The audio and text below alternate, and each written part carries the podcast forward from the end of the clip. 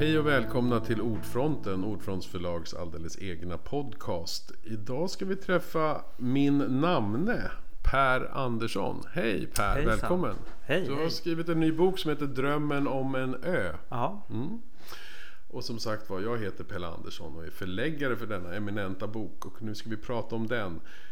Du säger att du är en nesofil. Vad är en nesofil? Vi börjar där. ja, det är ju latin för näs och ö och fil, någon som tycker om eller älskar något. Så en öälskare helt enkelt. Mm. Och när man påstår det så gör man sig nästan skyldig till, till ett, någonting väldigt banalt. Skulle jag säga. Eftersom de allra flesta människor tycker om öar. Jag, Mm. jag vet knappt om det finns någon som inte tycker om öar. Nej, jag tror inte det. Så, att, eh, så, så jag skriver lite grann om det där. Att det är, det är väldigt allmängiltigt och nästan universellt. Mm. Det här med att gilla öar. Det enda som kan vara väl ett problem, det, det om jag ska ha någon som har sagt någonting negativt om ö, det är att man kan ibland känna sig isolerad på ett lite obehagligt sätt. Där Mm. Det det, inte till. finns något sätt att ta sig därifrån på något sätt. Precis, ja, men det hör ju till öns fördel och nackdel, Mm. isoleringen. Mm. Och det är den jag försöker ringa in med den här boken lite grann. Vad det innebär att vara omgiven av vatten helt enkelt. Mm. Som är ju ändå en, en så att säga någonting som gör att vi inte bara kan alldeles enkelt bara gå därifrån. Ja, precis. Och är det det som också har, har det här varit så att det har fascinerat dig hela livet? Det här med öar och öliv och så. Är det något du har varit, hållit på med länge och tyckt var spännande? Ja, det kan jag väl säga. Så att, eh, det, ordet nesofil lärde jag mig så sent som för några år sedan bara. Eh, utifrån en annan svensk författare som har gjort stora kataloger över, över svenska öar som heter Anders Källgård. Han använde ordet nesofil. Mm. Men jo, absolut. Eh, Öar har fascinerat mig sedan jag var liten. eh, Som jag tror det har gjort för många faktiskt. Mm. Men är det också så att vi svenskar har en benägenhet att vara mer nesofiler än andra? För att vi har väldigt många öar. Ja, alltså Sverige är ju världens ötätaste land. Vilket var en upptäckt. Som jag upptäckte när jag var ungefär klar med boken. Det var lite sent. Ja, nej men precis. Ja. Men jag hade börjat, börjat kolla runt lite grann hur det såg ut med öarna då. Att Sverige är liksom etta och sen kommer Finland och sen kommer Norge. Så Skandinavien är liksom ett, det är ö, örikena här på jorden. Alltså Indonesien som vi tänker som ett öland och är ett öland. Grekland ett stort öland. Men de kommer långt efter. Men det är för att vi har så många små öar. Alltså många av de här svenska öarna är ju inte bebodda på något sätt. Hur liten måste det vara för att betecknas som ö? Alltså det- inte Kobbe, skär? Ja, är det också öar? Alltså definitionen som, eh, som SCB och FN använder sig av så, så är även små kobbar och skär är öar. Mm. Utan det enda som krävs är att den är helt omgiven av vatten och att den eh, enligt FNs eh, definition också alla, alltså den ska vara även under högvatten så ska den vara en ö så att säga. Den ska Mm. inte försvinna under perioder sådär som ja, när det är tidvatten. Ja, så. så många sjö, ö, skär kanske gör. Ja, vissa, vissa kanske försvinner när det är högvatten. Ja, precis. Och blir istället en grynna. Då blir det en grynna, exakt. Mm. Bra med terminologin. Ja. Men de här öarna, är, jag vet ju att du ofta åker tillbaka till Grekland till exempel, Mm. ofta till samma ö. Är det, har du fler sådana favoritöar? Är det de du skriver om här eller skriver om öar i största Jag gjorde inte det allmänhet? så enkelt att jag bara... Jag har inte med faktiskt min favoritö. Nej. Alltså min favoritö, den, min stammisö. Som är en grekisk ö, Naxos. Nej. Den är inte med i boken. Jag tänkte Nej. att nej, jag tar inte med den. Så jag tog med... Den kan du för väl eller? Ja, jag vet inte. Jag, jag, jag kände att jag vill välja en annan ö. Och det finns ju de som säger att eh, ju mer ytterskärgård, ju längre ut i en skärgård ön ligger, desto mer spännande är den. Mm. Och i, just i fallet med Grekland så valde jag en som är lite längre bort och lite mer glesbygd som heter Amorgos. Mm. Och är liksom lite mer sådär obyggd och eh, isolerad än Är det det som fascinerar med den? Ja, det är en fascinerande sak. Sen har jag valt många olika sorters öar i boken. Mm. Några är inte alls sådär isolerade. Men, men eh, det tycker jag är fascinerande, absolut. Och vad är det då det här med öarna som gör att man längtar dit och vill dit? Är det just isolationen i sig, i sig eller är det att det blir en egen kultur? Eller vad är det som... som Det är någon gör- sorts, alltså jag, när jag skulle skriva den här boken också så forskade jag ganska mycket eller researchade kring eh, man kan kalla det för öarnas idéhistoria. Alltså Mm. hur människan har tänkt om öar sedan forntiden, antiken. Mm. Och, eh, och det finns jättemycket skrivet om, liksom, om öar, eh, ända, alltså grekiska antiken till exempel. Vi har ju liksom Odysseus Mm. av Homeros. Det är ju liksom en öbok Precis. per definition. En segelbok också för den delen, men Ja. en öbok är det ju. Tar sig emellan. Ja, Mm. det är från ö till ö liksom. Eh, ja, men det som fascinerar mig och många människor eh, är ju att det är en avgränsningsbar, liksom överblickbar plats. Mm. Vi ser var den tar slut. Mm. På fastlandet så bara försvinner ju allt och övergår i något annat och var slutar liksom? Det, det kan man inte riktigt säga.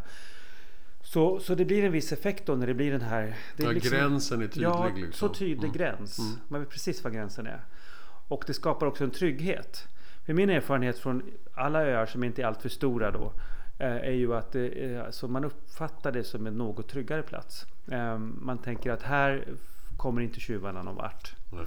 På Naxos till exempel så tror jag jag och de flesta lämnar alla värdesaker när man, på stranden när man ger sig ut och simma. Man tänker att det händer inte här. Eh, Nej.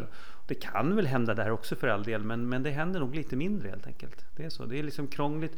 Sno en bil till exempel. Då måste du få ombord på en färja. Det finns massa liksom problem liksom, Mm. att sno en bil. Och det är ingen vits att sno en bil på en liten ö. Nej. Man blir upptäckt på en gång. Ja, man, man måste ha tänkt igenom det noga innan. Yes. Inget spontant Nej. sno en bil. Nej. Nej.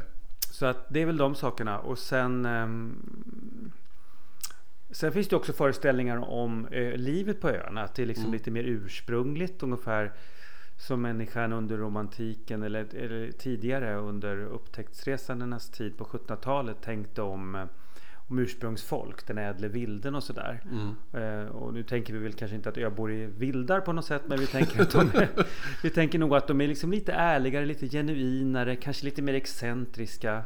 Mm. Och det gäller i allra högsta grad vår största ö, Gotland. Mm. Att vi fastlandssvenskar tänker så om gotlänningarna att de är lite De är lite, Lite, lite eljest och lite genuina och lite kanske i vissa fall excentriska också. Mm. Och det är ju naturligtvis en föreställning vi har som inte stämmer alltid. Men, eh, men det finns viss fog för den. Och sen så kan man åka ända ut till Fårö. Då blir det ännu mer då blir det ännu mer. Ja exakt. Så är det. Men, men det är två svenska öar. Varför valde du just Gotland och Norrbyskär då i boken? Alltså Gotland Mm. valde jag därför att det är Sveriges största ö. Eh, där finns det liksom en utpräglad ökultur. Eh, det finns väldigt många människor som jag som jag kände att jag kunde liksom möta där och intervjua och liksom komma nära in på vad är det som är speciellt med Gotland. Och sen så, så finns det ju det här liksom föreställningen om Gotland eh, bland stockholmare. Eh, att eh, man är välkommen som turist där men om man flyttar dit har jag hört från många då är det väldigt svårt att bli accepterad. Mm. Så det var en fråga jag ville undersöka och pratade med många gotlänningar om. Varför, varför är det så Mm. svårt att bli accepterad? Jag fick lite olika svar på det. Eh, Förstås. Ja, det kunde man ana. det. Men en, en, en eh, person jag intervjuade sa nämligen så här. Sju år. Vadå sju år? Jo, det är vad som krävs för att, bli, att Jaha, visa att du blir menar man allvar. Ja. Ja, Mm. du blir inte helt och hållet, du blir inte gotlänning för det. Då måste du helst ha kanske då då är det snarare sju generationer som gäller. Men sju år så visar det att, du, att du liksom, då, då blir en sorts acceptans. ja, för då visar du all, att det är allvarligt menat. Eh, Precis. Mm. Och en annan sak som, som eh, folk på Gotland sa eh, är att du kan inte bara komma där och vara expert på en sak som du kan i en storstad. Säg att du är författare som jag är. Mm. Och du kommer dit och säger att du är författare. Ja, fine. Det är inte kanske att folk förkastar dig för att du är författare. Men du måste också kunna lite annat. Det funkar inte på ö bara göra en sak. Du ska helst också ha får, köra buss, skotta snö, Mm. laga staket och kanske ytterligare någon sak. Mm. Eh, alltså vara mångsysslare. Och det är en Mm. gammal tradition på Gotland och många andra öar att man är mångsysslare. Eh, man gör sig kontaktbar på många olika sätt. Mm. Och liksom hjälper till. Och också att man inte eh, förväntar sig som man gör i en storstad eller i en stad eller kanske på de flesta ställen på fastlandet att man köper alla tjänster. Nej. På en ö som Gotland så byter man tjänster. Om någon säger kan du hjälpa mig att laga staketet så tar man inte, skickar man inte en faktura Nej. om det är grannen. Det gör Nej. man kanske inte någonstans. Men, men, men, men, men man måste ändå tänka. Ja, man måste tänka så att det här är liksom ge och ta så att säga. Ja men för jag tror att det är en, alltså jag har ju, min släkt kommer ju från en ö, eller halva Ja. min släkt kommer ju från en ö emellan. Och då är det ju samma sak där, det finns ju i, liksom i generna nästan. Det här att man måste klara också allting själv. Ja. Alltså det här mångsyssleriet. För Precis. du kan ju liksom ah, inte alltid bara sticka och pipa iväg och köpa det där Nej. du behöver. Nej, Så du måste lösa med det som finns och så. Och det, det kräver ju att man blir mångsysslare. Mm, precis. Man ska uppfinna allting själv nästan. Ja, ja men så är det ju verkligen. Och den andra ön jag valde, det var en ö, det är en ö som ligger uppe i, på gränsen mellan Ångermanland och Västerbotten och heter Norrbyskär. Och den besökte jag första gången när jag var drygt 20 år och var sommarvikarie på Västerbottens-Kuriren i Umeå. Åkte jag ut dit och vart så Ja, fascinerad. det är fascinerande. Ja. Alltså, ja. Och då bestämde jag mig för att det här måste jag med i boken. För att det är alltså då en ö som man i slutet av 1800-talet, 1890-talet så bestämde sig eh, Modos eh, patriark och brukspatron eh, Eh, Frans Kempe hette han. För att skapa ett, liksom ett, ett idealsamhälle, ett arbetarsamhälle där produktionen, alltså han ville ju tjäna pengar. Han var ju liksom en, en, en, han ägde ju de här sakerna. Men, men för att han skulle kunna tjäna så mycket pengar som möjligt så räcker det inte tänkte han med, med så bra maskiner som möjligt. Och så, utan arbetarna måste ha det bättre än alla andra arbetare. Så han tänkte Alltså han var faktiskt eh, några decennier före egentligen liksom, eh, arbetarrörelsen och eh, socialismen i, på allvar. Socialismen fanns ju men den gillar ju inte han. Men, eh, men eh, han skapade så bra förhållanden för arbetare på 1890-talet och runt sekelskiftet som eh, så när, arbetarrörelsen kom till ön så småningom och sa att ska ni inte gå med i Socialdemokraterna eller i vänstern här? Då sa de nej men vi har ju redan så bra här. Och de krav ni kommer med här det, det är, Det är redan så vi, vi, har, vi har liksom dubbelt så bra som det. Så om vi går med på de där kraven då ska vi sänka oss. Ja. Och så småningom så, så blev det rött även på den här ön. Men det dröjde flera decennier. Mm. För att han skapade. Och det de var så hade spännande. massa fördelar. Alltså de hade ju också el tidigt. Ja, elektricitet så- ja. före Umeå innerstad så att Mm. säga. Ja, det var jättehäftigt. Och det är väldigt vackra små hus. Ja. ja. Inspirerad av eh, amerikanska villor. Eh, jag tänkte när jag gick där första gången Louisiana. Mm. Så här vita trävillor med verandor. Mm. Som man sitter i en gungstol på eh, och tittar ut. Och de kan man hyra nu, eller hur är det? Där? de är, de, det är faktiskt människor som, har, som äger dem som sommarboenden. Mm. Det kanske finns några man kan hyra men de flesta ägs då av Ibland av eh, så att säga, barn eller, och barnbarn och barnbarnsbarn till arbetare på fabriken där. Mm. Det var ju ett sågverk där man byggde. Man sågade trä helt enkelt. Precis. Men det är väldigt vacker, också väldigt vacker plats i övrigt också. Mm. En vacker ö som sådan. Alltså miljö, och naturen och så. Precis, och man kan bo över där. På, det finns Mm. ett värdshus och det finns restaurang sommarhalvåret. Så att man kan, som jag gjorde nu när jag skrev boken, så Mm. bodde vi där. Och det är inte så lång färjetur? Eller? Nej, den är Nej. Kvart. Ja, precis. Mm. Ja, för jag har varit där en gång också. Det var fantastiskt. Ja. Jag blev också helt fascinerad. Mm. Det, är, just- och det, var- det var ja, det är roligt med någon. Alltså det var ju då eh, det här med ön som en plats där man ska skapa ett idealsamhälle. Det är ju en gammal idé. Mm. Om man går tillbaka i litteraturhistorien så finns den ju. Thomas More skrev Utopia 1516 eller vad det var. Mm. Tidigt 1500-tal. Och det var ju på en ö som man skapade det här samhället som var allt annat eh, än det Europa var. Eh, kort sagt allt det man drömde om. Mm. Dröm, det var drömmen om en ö helt enkelt, Utopia. Och det var ju det, det ordet utopi idag, det kom ju, det var ju Thomas More som hittade på det. Han satte Mm. ihop lite olika saker så vart det Utopia. Eh, som väl på grekiska betyder ungefär en plats som inte finns. Mm.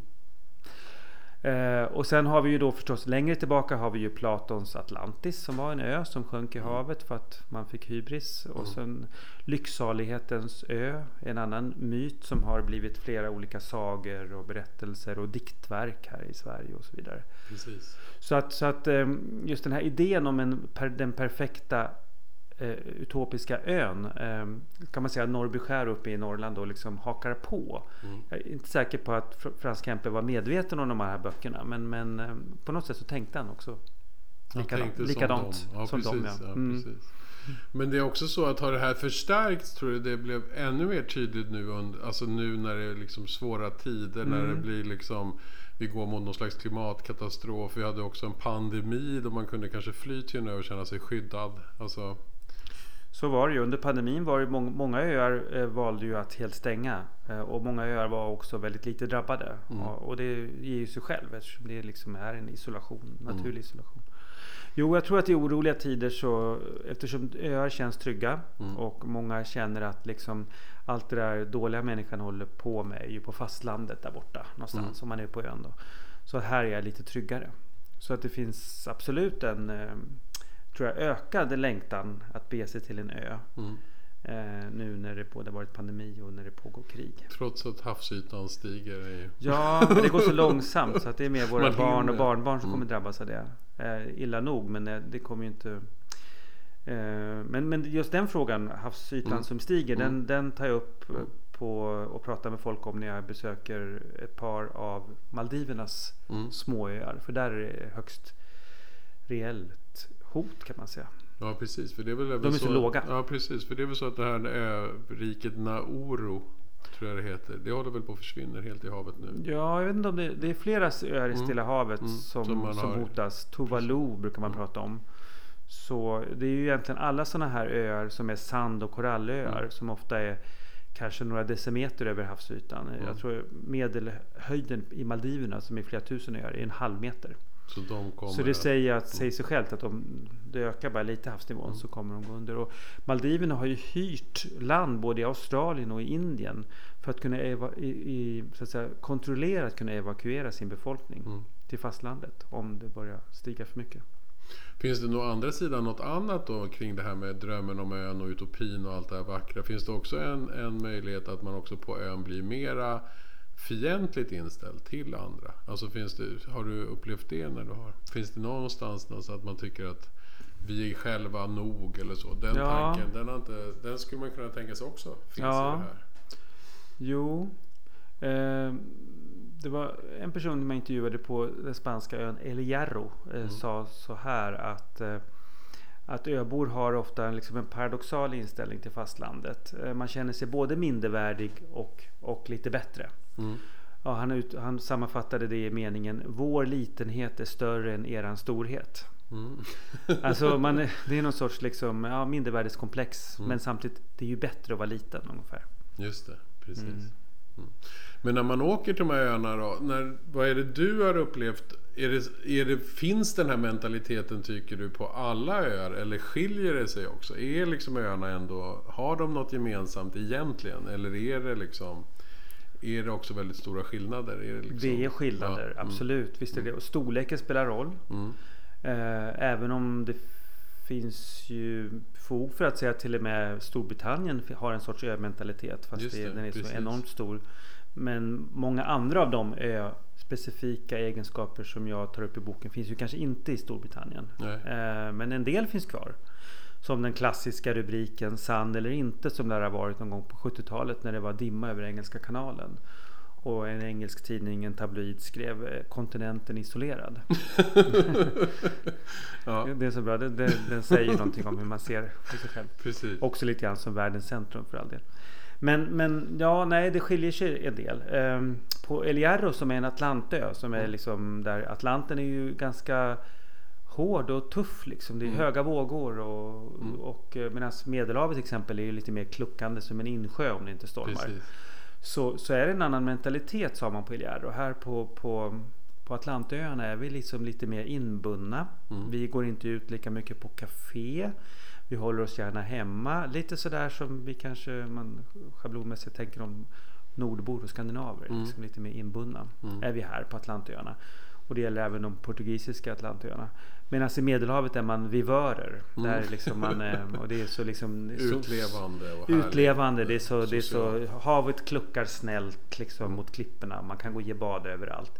På El Hierro ju, fick vi höra många berättelser om folk som omkom liksom, i vågorna. För att det är sådana otroligt häftiga vågor.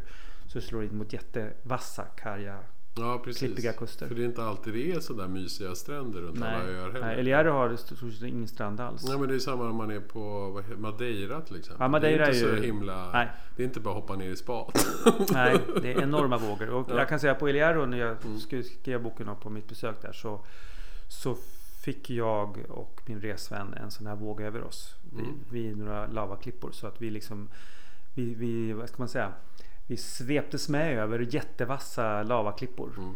Eh, Vi kunde inte stå emot. Och, Nej. och eh, fick väl typ tio blodiga sår var. Små sår men liksom Men bara, ja. det liksom sipprade blod lite här och där efter oss. Då insåg man vilken kraft Mm.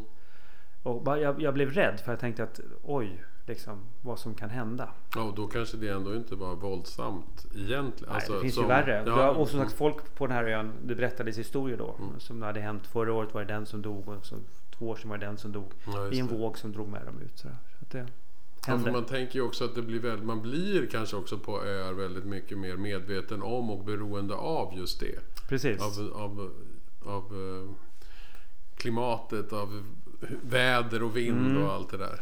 En sätt. fiskare på El Hierro sa till mig att man måste lära känna havet. Mm. Och då tyckte han själv att han hade gjort det som han var fiskare och ute på det jämt. Eh, Den som känner havet dör inte. Men Nej. den som inte känner det, den kan dö.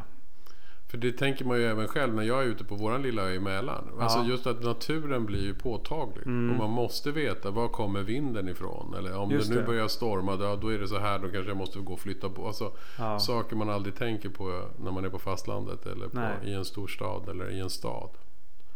Och då är ändå Mälarens vågor blir väl Ja. aldrig högre än en halv meter. Medan där på Hierro kan de bli åtta meter. Eller. Precis. Men ändå. Ja, så är ändå. det, Ja. har man liksom en medvetenhet Ja. om, om naturen på något Just sätt. Just det. som är påtaglig. Men vilka öar är det du fascineras mest av själv då? Är det de som har ett verkligt liv eller är det just de här mera karga, öde platserna? Det, eller det, Ja. spelar det ingen roll? Jag utforskar ju alla typer i den här Mm. boken. Eh, både väldigt befolkade öar. Jag är till exempel på en tysk ö som heter Usedom som har flera broar med tåg och bilvägar över. Som då liksom inte har de här riktiga jättespecifika ö, vad ska man säga, ö-egenskaperna då. De Eftersom blir mera som vanligt... Ja, det blir ju det. Men eh, den, den var spännande på Mm. massa andra sätt tyckte jag, Usedom. Så att, eh, Vad är det som är fascinerande med den då? Ja men den ön är ju den är fascinerande därför att den har varit eh, eh, Den har varit föremål för ska man säga, en sorts turism. Tyskland har ju inte så många öar. Nej. Så att de har fått ta dem Den de har har. blivit överexploaterad. Ja det kan man säga. Ja. Och den var ju då en, en turistö redan på slutet av 1800-talet under Mm. kejsartiden. Eh, Kaiserbaden, kejsarbaden, liksom kejserliga baden. Okej. Så åkte man dit. Mm. Och sen är den fascinerande för att den har också varit delad. Så jag skriver en del om liksom ö, andra öar som är delade. Och Usedom är fortfarande delad mellan Polen och Tyskland faktiskt. Okej, En del av den är tysk. precis som För- och Cypern och sådär. Som Cypern, ja, ja. precis. Och, och många andra öar här i världen. Som är delade. Borneo, Mm. Irland. Ja, det finns många. Mm. Som är uppdelade, alltså som är två kulturer eller två Mm, stater. Två som, stater. och som ibland har också konfliktfyllt då. Precis. Ja, framförallt. Cypern har ju varit väldigt konfliktfyllt. Ja, och den här, och den här Usedom är också Mm. spännande för den har en gång i tiden varit svensk. Okej. Mm, det Mm. tillhörde den svenska när- under stormaktstiden. Mm. Och den var ända in på 1700-talet faktiskt. Men då de här befolkade öarna och de karga ensamma öarna. Vad är det, tror du? Det, I min värld känns det mer som att just de här karga, ensamma, utsatta öarna är de som kanske lockar mest. I alla fall i fantasin. Mm. Kanske inte lika mysiga att vara på. Nej, men de, de, en kort tag alltså. Mm. Jag, jag skriver ju i slutet av boken Mm. också tio korta texter efter de efter tio lite längre kapitlerna. Om, och de här korta kapitlen handlar då om eh, ganska karga, små, i huvudsak obebodda svenska öar. Mm. Där det ligger en fyr och har legat en lotsstation. Och, eh, och många av dem är väldigt fascinerande och jättefina att åka Mm. till tycker jag. Ett par tre dagar sådär. Och, Mm. och liksom- Komma undan allting. som, eh, lite som Tove Jansson i hennes böcker om pappan och havet och Mm. drömmen om, om vad heter den, heter den? Hon har skrivit en öbok också, en vuxenbok. Mm. Mm, som jag tipsar om i slutet. Jag har glömt titeln på den. Vi får slå upp. Ja, det står Man i- måste läsa boken. Ja, exakt. Det står Ja, i det boken. står i boken. Mm. Ja, men, men de här de karga. Det är väl också det att man på något sätt just det här du vi pratade om att man vill nå den här äh, isola, isolationen och allt det ensamma för att komma också i kontakt med kanske sina egna tankar och så. Alltså man blir inte störd på en ö. Nej, precis. Eh, Och är det så du har sett öar också själv? Att du vill komma undan? Eller liksom, förstår du? Alltså hitta den där ensamheten. Har det varit, är det viktigt i, i ett visst typ av resande? Eller är det... Det är nog snarare att vara i ett litet samhälle. Inte så Mm. mycket ensamheten. Ehm, jag är inte riktigt den här ensamvargen Nej. som, som söker mig till en stuga i skogen eller till en helt obebodd ö själv. Nej. Åker jag till en, en ö utan människor nästan vill jag gärna ha med mig någon. Ja, du vill umgås med någon. Ja, precis. det är därför du är ute och reser. Exakt. För Ja. att träffa folk och träffa Och träffa folk, ja. Exakt. Men, eh, men absolut att få uppleva den här känslan av ett litet samhälle där man snabbt blir igenkänd. Mm. Där man kanske hejar på varandra. Mm. Det, det försvinner ju om jag blir lite större men är den tillräckligt liten så hejar man ju på varandra på det. Ja. Nej men för det där är ju, det är ju så svårt att veta vad det är som gör... För jag tänker fortfarande det där med, med den här lockelsen. Att det, det som du säger, alla är nesofiler. Nästan alla drömmer om den här ön. Men man undrar vad det är, så, om den verkligen delas av alla. Alltså att det är samma dröm vi har. Eller om Ja, det, det kan liksom, vara- den krockar. Eller Ja. liksom, mm. Det kan nog vara lite olika Mm. drömmar tänker jag. Eh, Det är spännande när man går tillbaka till eh, under kolonialismen och den stora upptäcktsresande tiden. Man Precis. seglade iväg. Magia, Magellan ska Mm. man säga, har lärt mig. Eh, Och Columbus och så vidare. Då, då, det var ju bara män. Och det fanns ju idéer om en öforskare som jag har läst och, och skriver om i boken. Han menar ju på att det fanns nästan en erotisk lockelse hos de här Mm. männen eftersom öarna är liksom runda. Man såg liksom feminina former. Mm. Och öarna var ett jungfruligt landskap liksom, som Just ingen det. annan hade rört och de skulle komma först dit. Och det fanns en erotisk koppling då. Mm. Menar, menar han- på. Ja, för det finns ju det även där tror jag i Robinson Crusoe och sådär finns det ju sådana tankar om att man liksom typ nästan tar hela ön i besittning och Ja. man ligger med ön. Liksom, Ja ungefär. Ja just det. Precis. Ja. Så det, det, det är väldigt spännande. Och sen eh, Sen så hade ju också Columbus när han åkte iväg. eh, Han hade, då, då när man åkte iväg och inte hade varit Européerna inte hade varit så att säga längre västerut än kanske Jag vet inte Madeira eller Mm. något sånt där. Så så heter det, hade man en föreställning om, inte om att det skulle vara ett tomt hav utan att det skulle vara liksom en arkipelag man skulle åka till. För man hade ju liksom under tusentals år ritat in fantasiöar på olika kartor. Tittar man på kartor från innan Columbus så är det massa öar utritade. Fantasiöar. Mm. Och naturligtvis också massa sjömonster och sjöormar och sånt där. Ja, för man trodde att det fanns. Något att det måste fanns. finnas. Ja, och liksom. nu ska vi bara åka och, och liksom bekräfta Mm. de här öarna som vi redan Har ritat dit.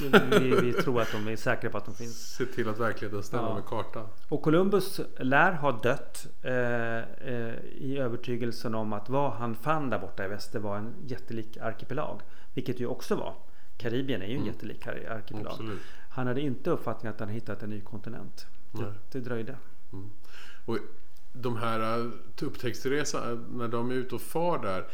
Tror du att de också, vad var det de ville finna? Var det bara liksom äventyr? Eller ville de finna, var det bara pengar eller äventyr? Vad är det man tror? Om du tänker ja, sådär. till att börja med var det, nog, var, var det ju faktiskt en idé om det, Alltså när de väl åkte iväg så var det förstås ekonomisk Mm.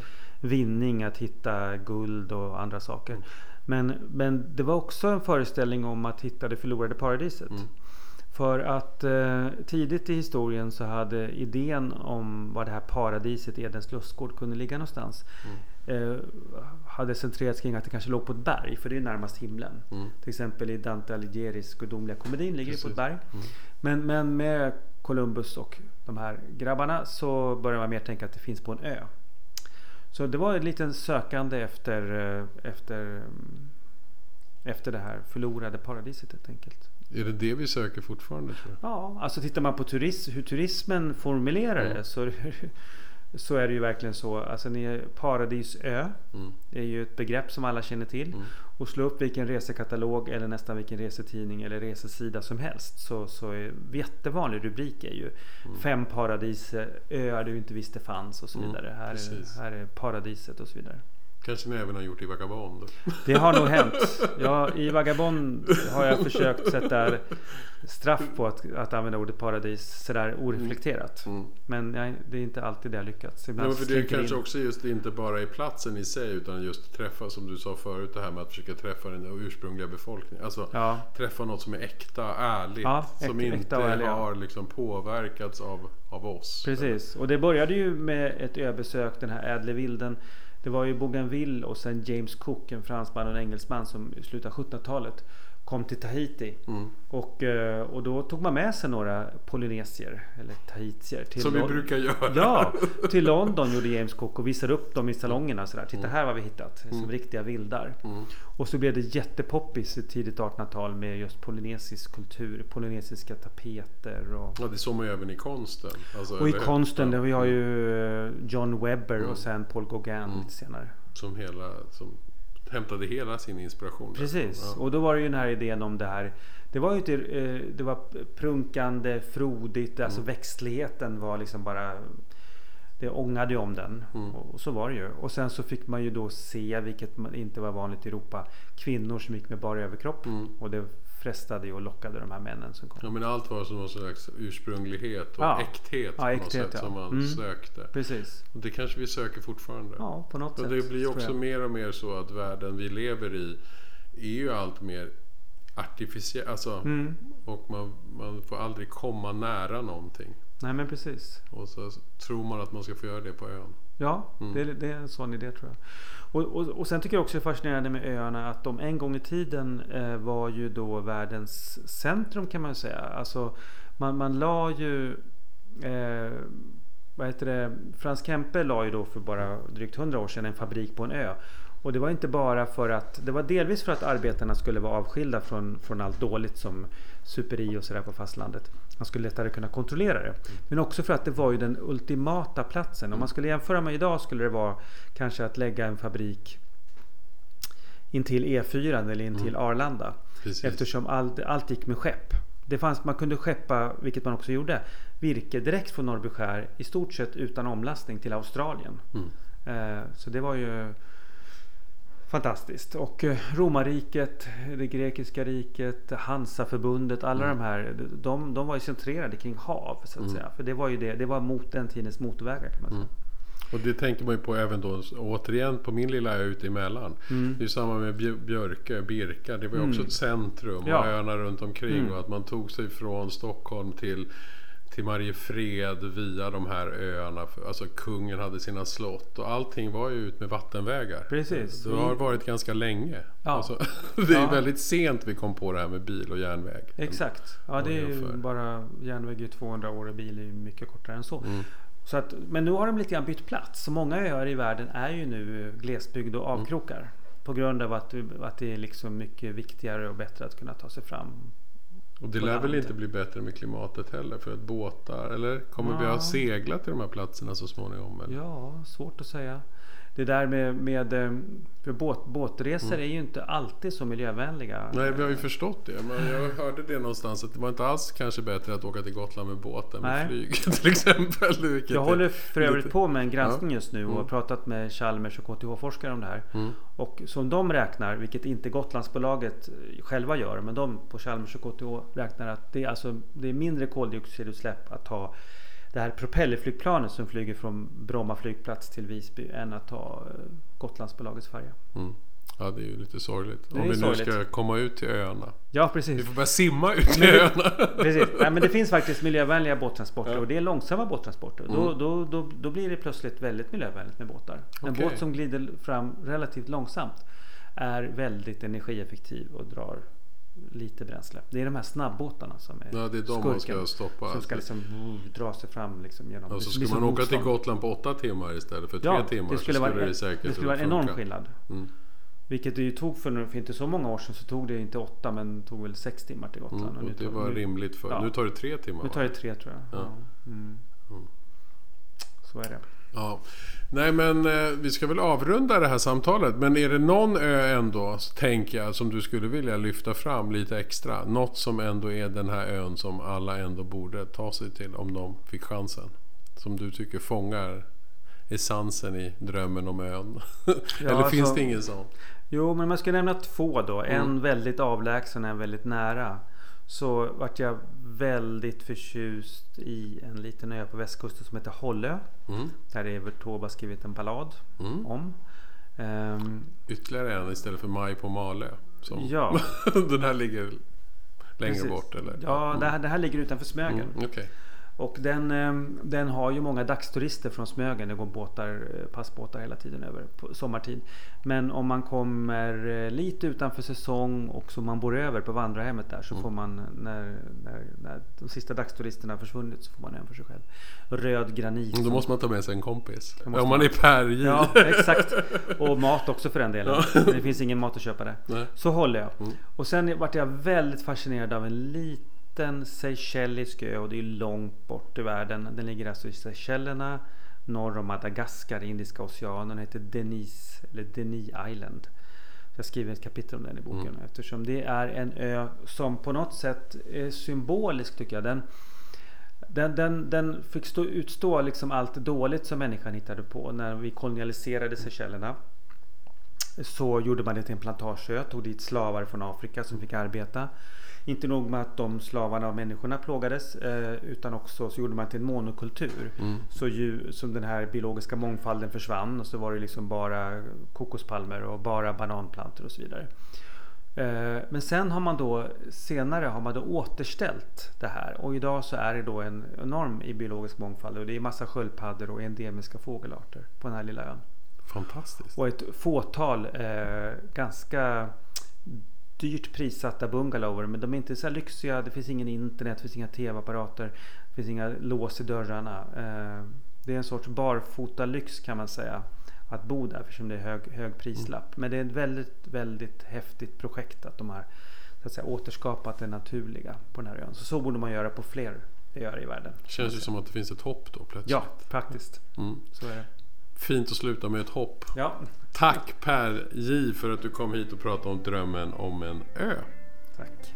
Och det var allt för Ordfronten för den här gången och vi återkommer med nya avsnitt framöver. Ha det så bra. Hej då!